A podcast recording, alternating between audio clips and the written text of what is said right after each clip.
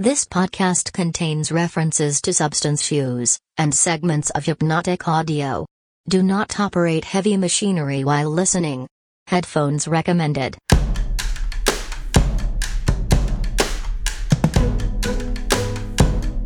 Hi, my name is Hannah Rice, and you're listening to episode 3 of Real Legitimate Apocalypse, my investigation into one sinister Toronto based cult. Scola Mortis.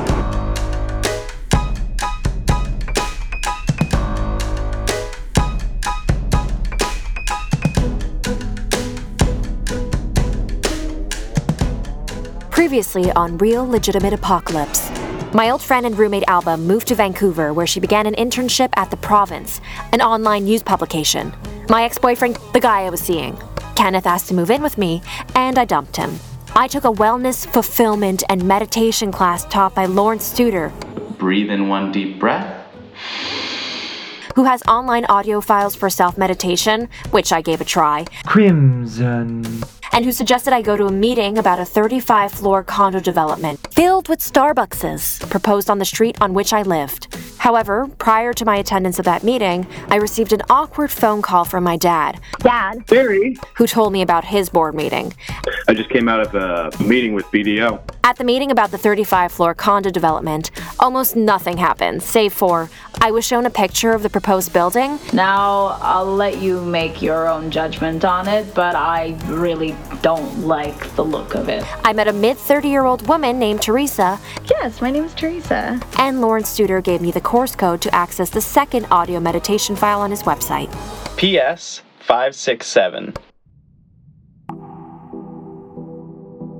Elizabeth Russell was born December 26, 1754, into unfortunate circumstances. Several months after she was born, her dad, Richard Russell, Dick, was court martialed and thrown out of his army regiment after some serious brouhaha involving a woman and a fellow officer. I'll leave that up to your imagination. Liz's mother, Dorothy, did not take the discharge well. She fell into violent insanity, which in the 1700s could have meant she would be sad once a week.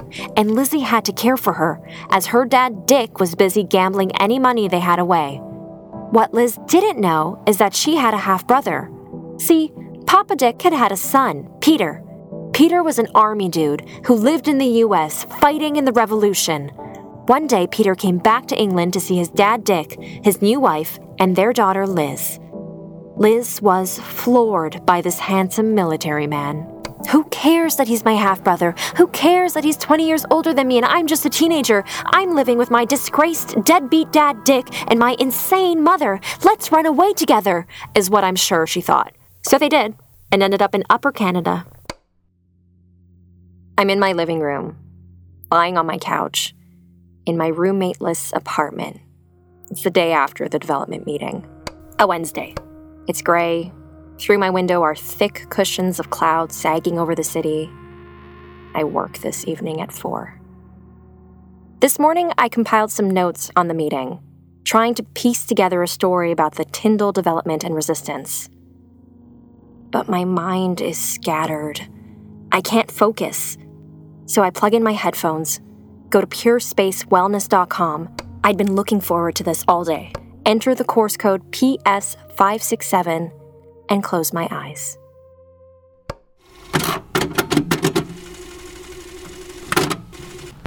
Hello, and welcome to this tape two of Guided Meditation for Higher Personal Fulfillment. In this exercise, I will guide you into a meditative state. You will remain in complete control at all times. All of my suggestions you can choose to fulfill or ignore. The choice is up to you. Let us begin. Settle into a safe and quiet place, sitting or lying down. There. Now that you're comfortable, take a full breath in and a long breath out. Listen to the sound of my voice. Do not evaluate or analyze what I am saying. Merely take the sound of my voice and allow the sound of my voice to seep deep into your body. And if you choose to, follow my directions. As the sound of my voice washes over you and calms you and relaxes you. Acknowledge the tensions and pains that you hold in your body and in your mind. These tensions and pains are what makes up the person you are. They are your building blocks.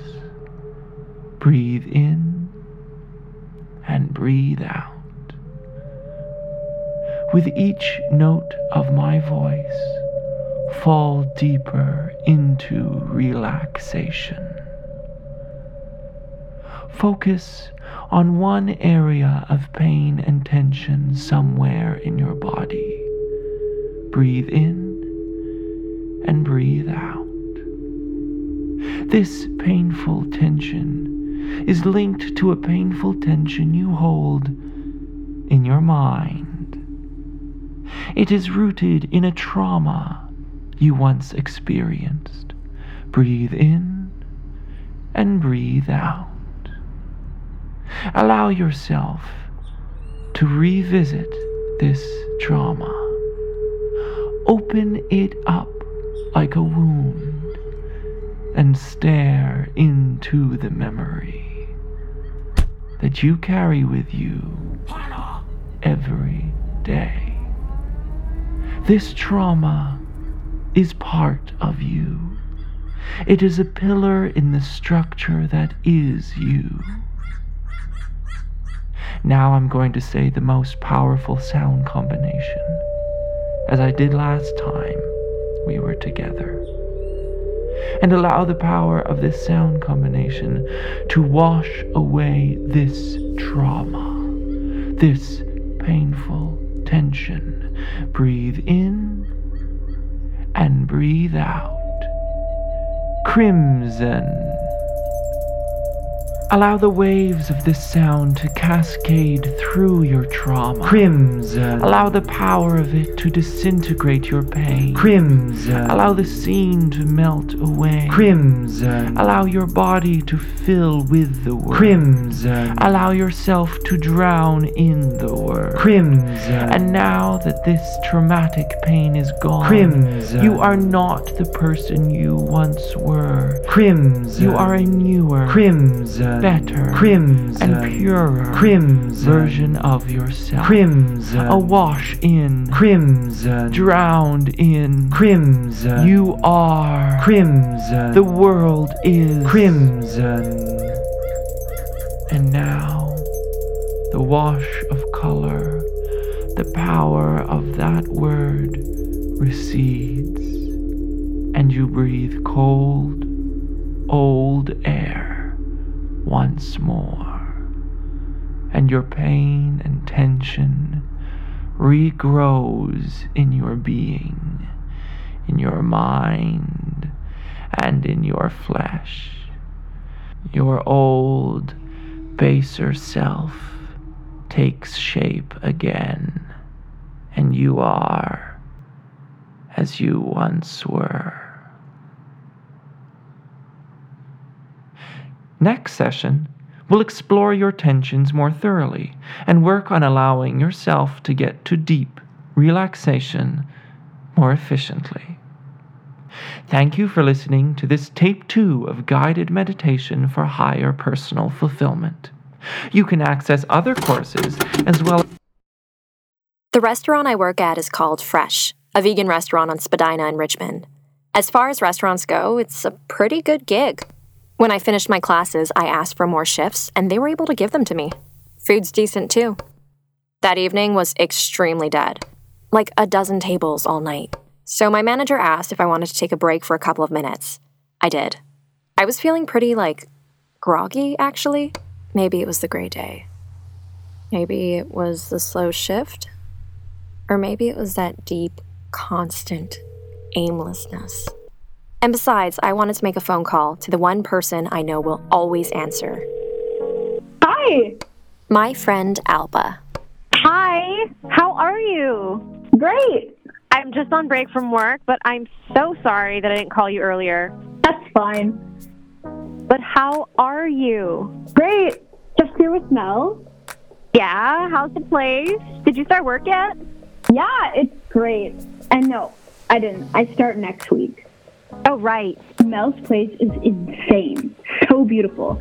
I feel like afraid to touch or move anything. It's so nice. Stop. It's true. Like, I do not feel like I belong here. Like, I am not comfortable unless I'm standing still, not touching anything.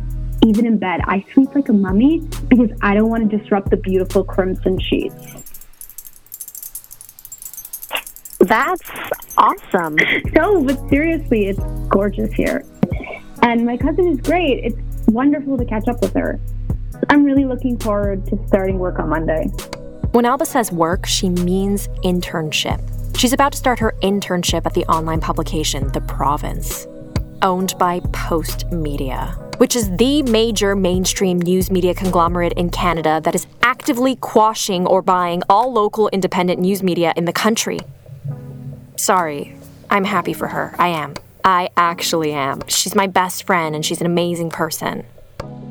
Yeah, that's amazing, Alba. Yeah, and she's been giving me so much advice and like things to do and things to not do. Yeah, Yeah, so I'm I'm feeling pumped to start. that is so great. So great. Ah, how are you? Oh my god. The apartment is so empty. Your room is like 10 times the size without your stuff. And I feel like I live in a mansion that is way too big for me. So you know how I feel being here. yeah, it's exactly the same thing. But but I think I found a little story to start investigating. Hmm. Yeah. Apparently there's another condo being built on Tyndall and I've seen the proposed building and it's like ugh, The most awful thing you've seen in your whole life. Yes. And there's this like little group, like six of us trying to stop it from happening. Really? Yeah. We met in a rec center basement classroom to make a plan of action, That's amazing. So perfect for a story. right? Yeah.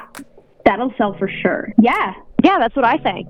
Even to a little online publication. Hey, don't diss online publications. No, no, no, no. Um, oh, sorry.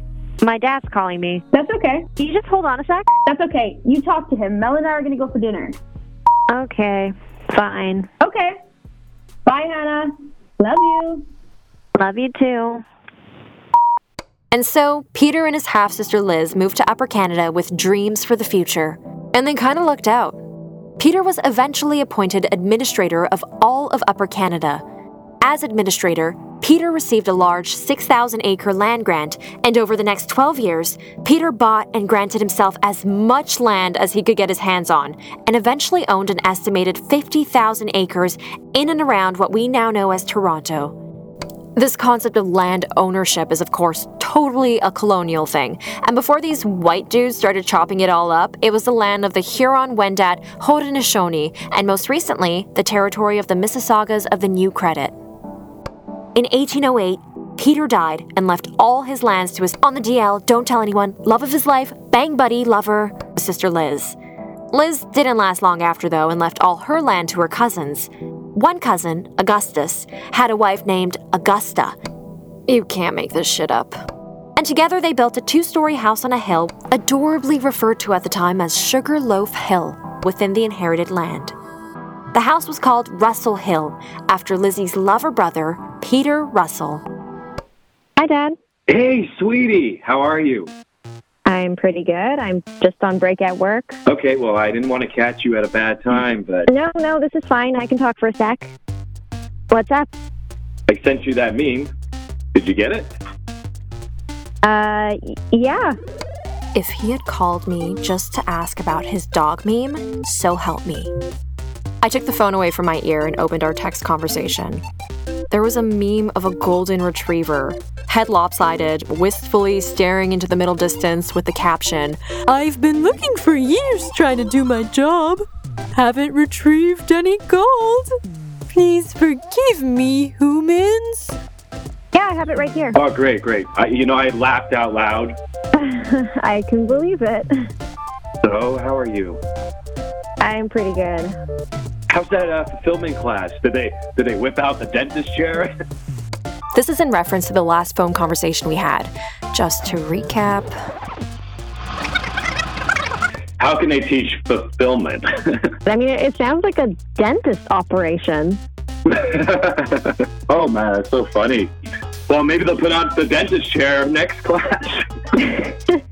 Remember? no, I, I actually I didn't go to the second one yet. Oh. You know, we had a meeting with uh, BDO today. BDO. Yeah, yeah. You know the firm we're working with on the uh, Kemptville College. Oh yeah, right. Sorry, I forgot that. Yeah, they, they it went pretty well. I think. I mean, they have some great ideas, and I think this ball is starting to roll right now. That's so great. Good for you. yeah, yeah, it is. Uh, oh, you know who I saw today? Who? Um, remember that friend of yours from elementary school? Um, Yeah. You know the one. Um, Which um, one? Tony's daughter. Tony. Yeah, Tony. Uh, I forg you know, he's Italian. You know, uh, the family on Harris Road. Italian. No, Dad, I don't yeah, know. she went to. Uh, she went. She was at the grocery store. Well, did you talk to her? No, no, she doesn't want to talk to me. You remember how she was? Dad, I don't even know who you're talking Yes, about. you do. The girl you were friends with in elementary school. She's Italian. Which friend, Yeah, Dad? she came to your birthday party when we went to the river. Remember that? Okay, Dad, I I don't know who you're talking about, and I have to go back to work. Okay, okay, okay. I'll, I'll text you when I remember uh, Tony's last name. Was it? Uh, yeah, yeah, just uh, text me when you remember. Okay. Okay, well, I'll let you go then, sweetheart. Okay. Bye, Dad. When the ears of the student are ready to hear, then cometh the lips to fill them with wisdom. Principle 2 The Principle of Correspondence. This principle embodies the truth that there is always a correspondence between the laws and phenomena of the various planes of being and life. The old Hermetic axiom ran in these words As above, so below. As below, so above. And the grasping of this principle gives one the means of solving many a dark paradox and hidden secret of nature. There are planes beyond our knowing, but when we apply the principle of correspondence to them, we are able to understand much that would otherwise be unknowable to us. Just as a knowledge of the principles of geometry enables man to measure distant suns and their movements while seated in his observatory, so a knowledge of the principle of correspondence enables man to reason intelligently from the known to the unknown. Studying the monad, he understands the archangel. Miss Edith Sarah Louisa Boulton was born in 1847 in Toronto to parents James Boulton, a lawyer, and Margaret Nelina Forti. She was apparently a beautiful blonde and, quote, one of the most beautiful women in Canada. Her family was part of the upper crust of Upper Canada. The world was at her fingertips. At the age of 24, she married 47 year old Samuel Nordheimer. Sam was born in Bavaria in 1824. At around 16, Sam and his older brother Abraham moved to Kingston to teach music, and in 1844, Sam and Abe moved to Toronto and opened the A&S Nordheimer Music Store at 122 King Street. Everyone seemed to like Sam. He fit in well with the city's elite and business was booming. Sam and Abe opened a state of the art piano factory in the junction and sold pianos as far as the railways would go. At the ripe old age of 47, Sam married the 24 year old Miss Edith Sarah Louisa Boulton, and he hit the jackpot. Nice to see some of you again and some new faces. Thank you for coming. We were back in the basement of the Parkdale Community Recreation Center. I had my recorder on my lap. I didn't want to draw attention to the fact that I was recording. If you're interested, this is something I remember learning in ethics class. Canada is a one party consent state. Meaning that it is legal to record your own conversations, whether they are had on the telephone or in person. However, it is illegal to record a conversation if you are not one of the intended recipients of the communications made in that conversation. And that is straight out of the textbook, and a pad and pencil on the table. It actually felt good to be back here.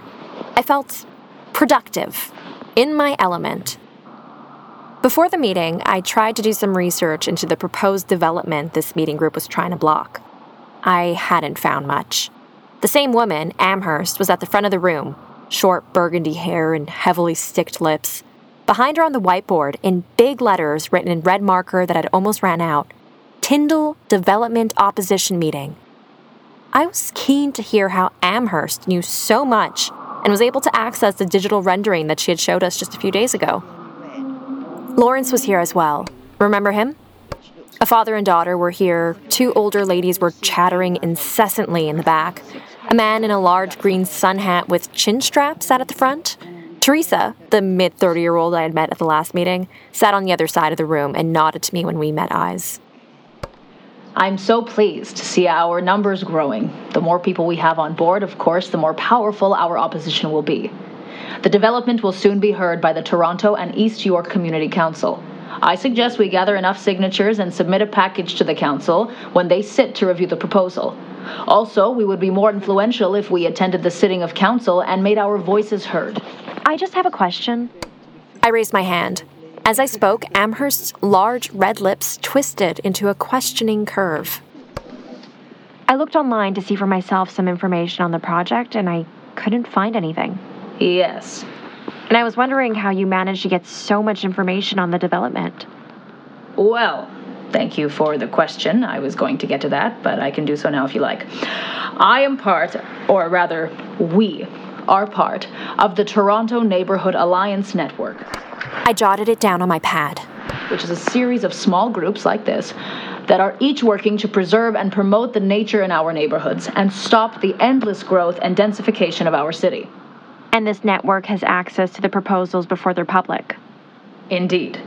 Oh, one thing I would like to get done tonight is to have everyone fill out this document, just so we can keep in touch.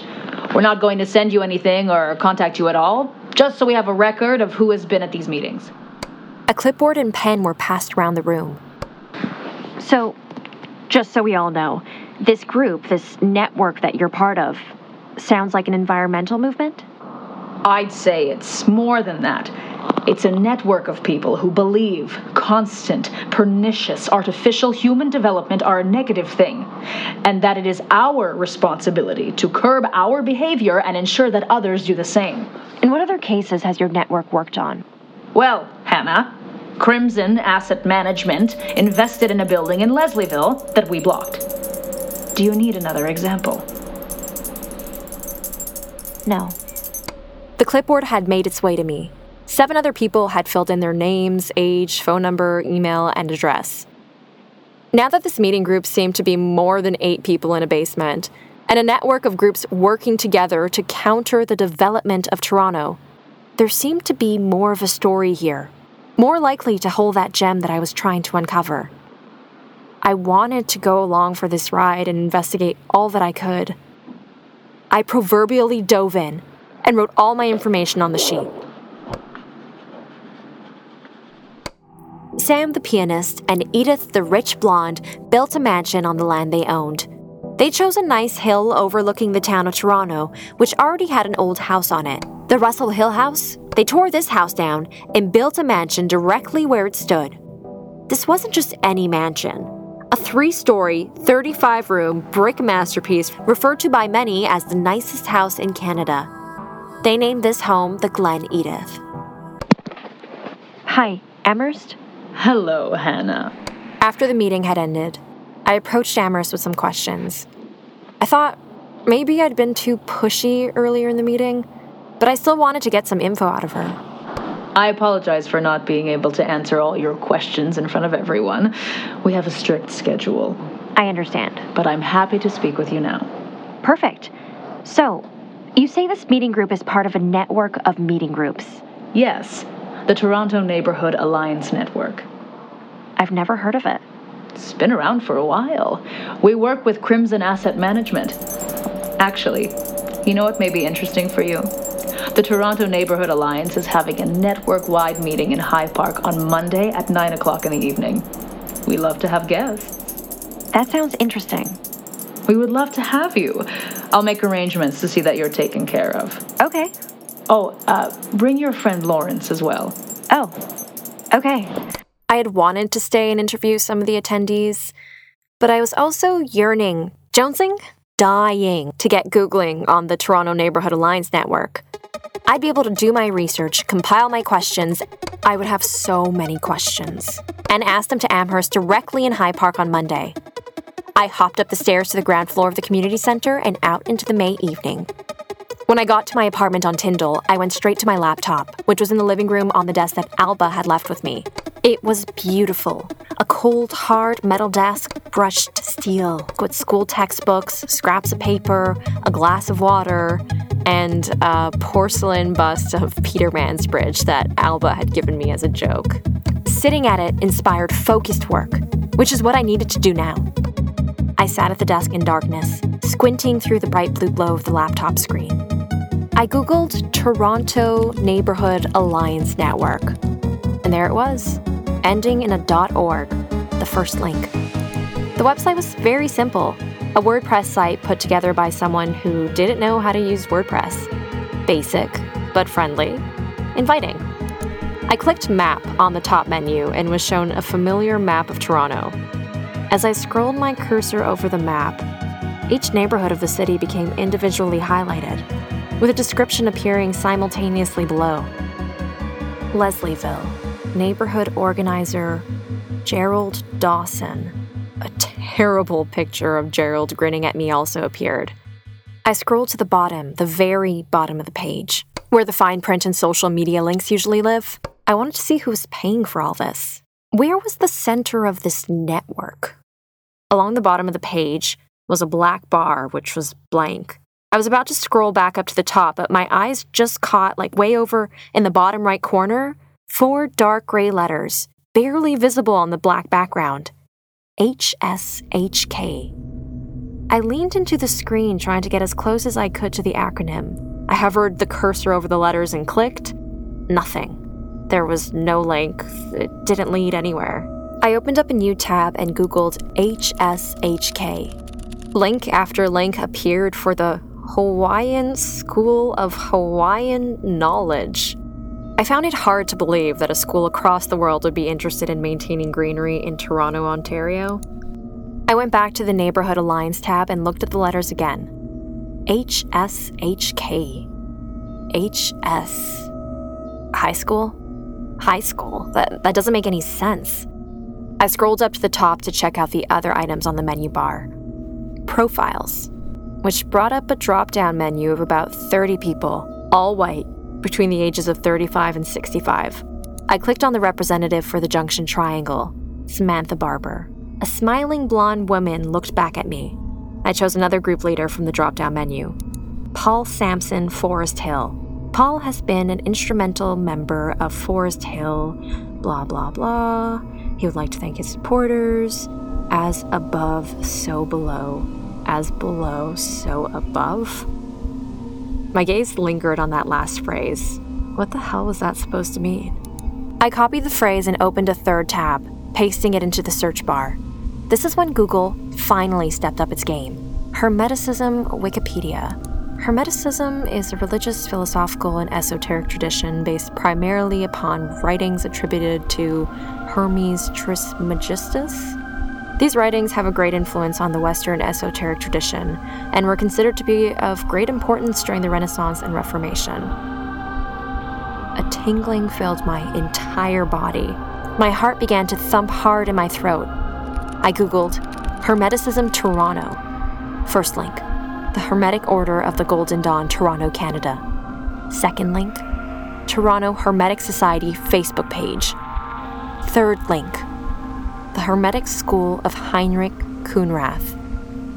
HSHK. That link brought me to practically nowhere.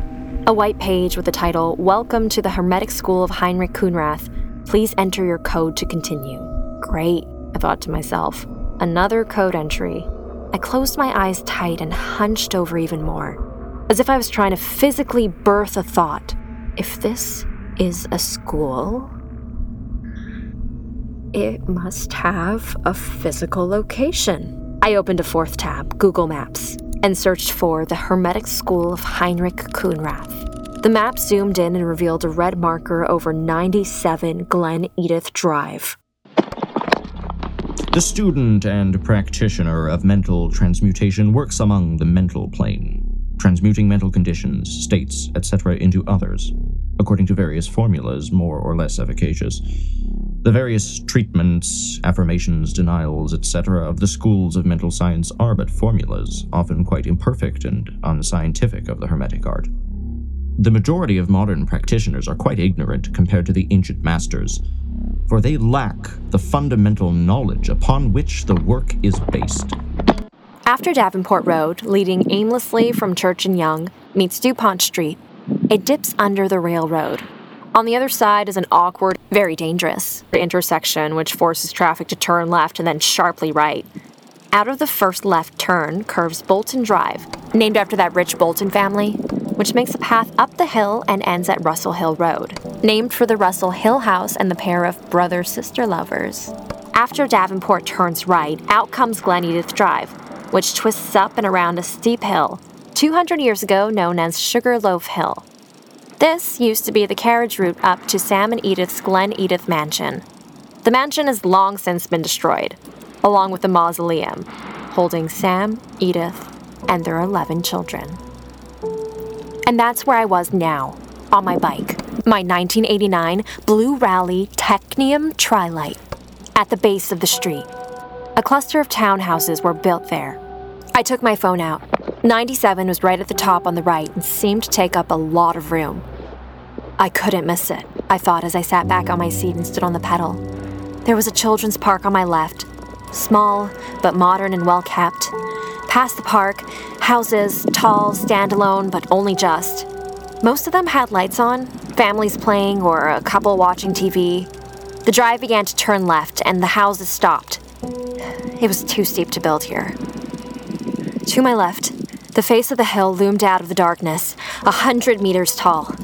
To my right, the ground gave way in almost a vertical drop, another hundred meters. There were no streetlights here. My little white front bike light fought through the darkness to show the way. Trees leaned out of the escarpment on my left, hanging leaves over the pavement. I saw a light in the distance. Another house, although different from the type that we had left at the base of the hill. Those were earnest, desperately trying to show their wealth and literally fit into the neighborhood. This house had room, with a lawn stretching out in front of it. As the drive turned further left, more homes were revealed. Each one bigger than the last, stonier than the last, more opulent than the last, each with a yard, each facing the same direction. I looked over my shoulder to see where these houses seemed to be staring, and Toronto lay before me. It was a magnificent view, especially at night. All the twinkling skyscrapers seemed close enough to touch. I wondered if August and Augusta, and after them Sam and Edith, had seen this view hundreds of years ago and imagined it might one day be filled with great glowing spires. Another hundred meters. I was hunting now for the number 97. The road ahead of me stopped abruptly. To the right of where it ended, there seemed to be an empty lot. As I rolled forward, I noticed a low fence and a large, perfectly manicured lawn. Then, as if growing out of the darkness, the white stone wall of a great white stone house, rectangular with a sloping roof and screened in porch. All the lights were off. Might have been the biggest house I had ever seen. I pulled up to the driveway. There was no gateway here, nothing blocking the path into the property. I swung off my bike and stood there, staring. The number 97 glowed near the main entrance of the house. I squinted, trying to see any HSHK or suggestion that this was a school. Then I noticed a figure was standing on the porch. It was hard to make out through the screen, but it, it looked like they had seen me. They stood up. I thought about climbing on my bike and charging away, but I hadn't done anything wrong. I wasn't on the property, I wasn't even taking pictures. There was a slam of the screen door, and the shape of a person stepped onto the lawn and turned towards me. Did I feel scared? Yes. Did it matter? No. Should I have left? No. Maybe I could just double check with this person that this was the Hermetic School of Heinrich Khunrath. This person was a she, an old she, wearing red cloth. She walked toward me. As she did, I noticed that she was barefoot on the lawn. White hair in a loose ponytail, a smiling, wrinkled, pale face. Hello? Hi. Can I help you? Yeah, I'm sorry. I was wondering if you knew where the Hermetic School was. She smiled knowingly, like I had made an inside joke. Yes, exactly. Is it here? What do you think, Anna? What? The Crimson Tide is coming. Now go to bed, Hannah. You need your rest. You're right. Safe ride home. Thanks. Good night.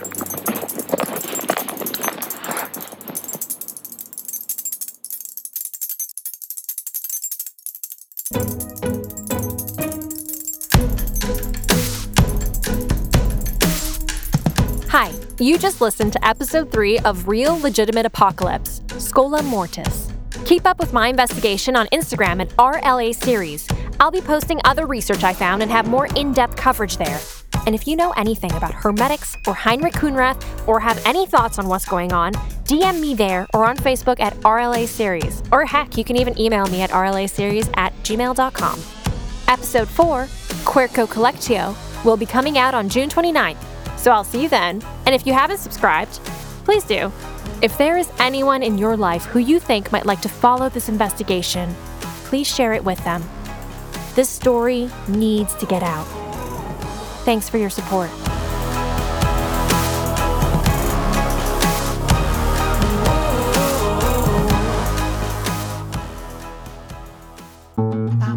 This podcast has been brought to you by the Sonar Network.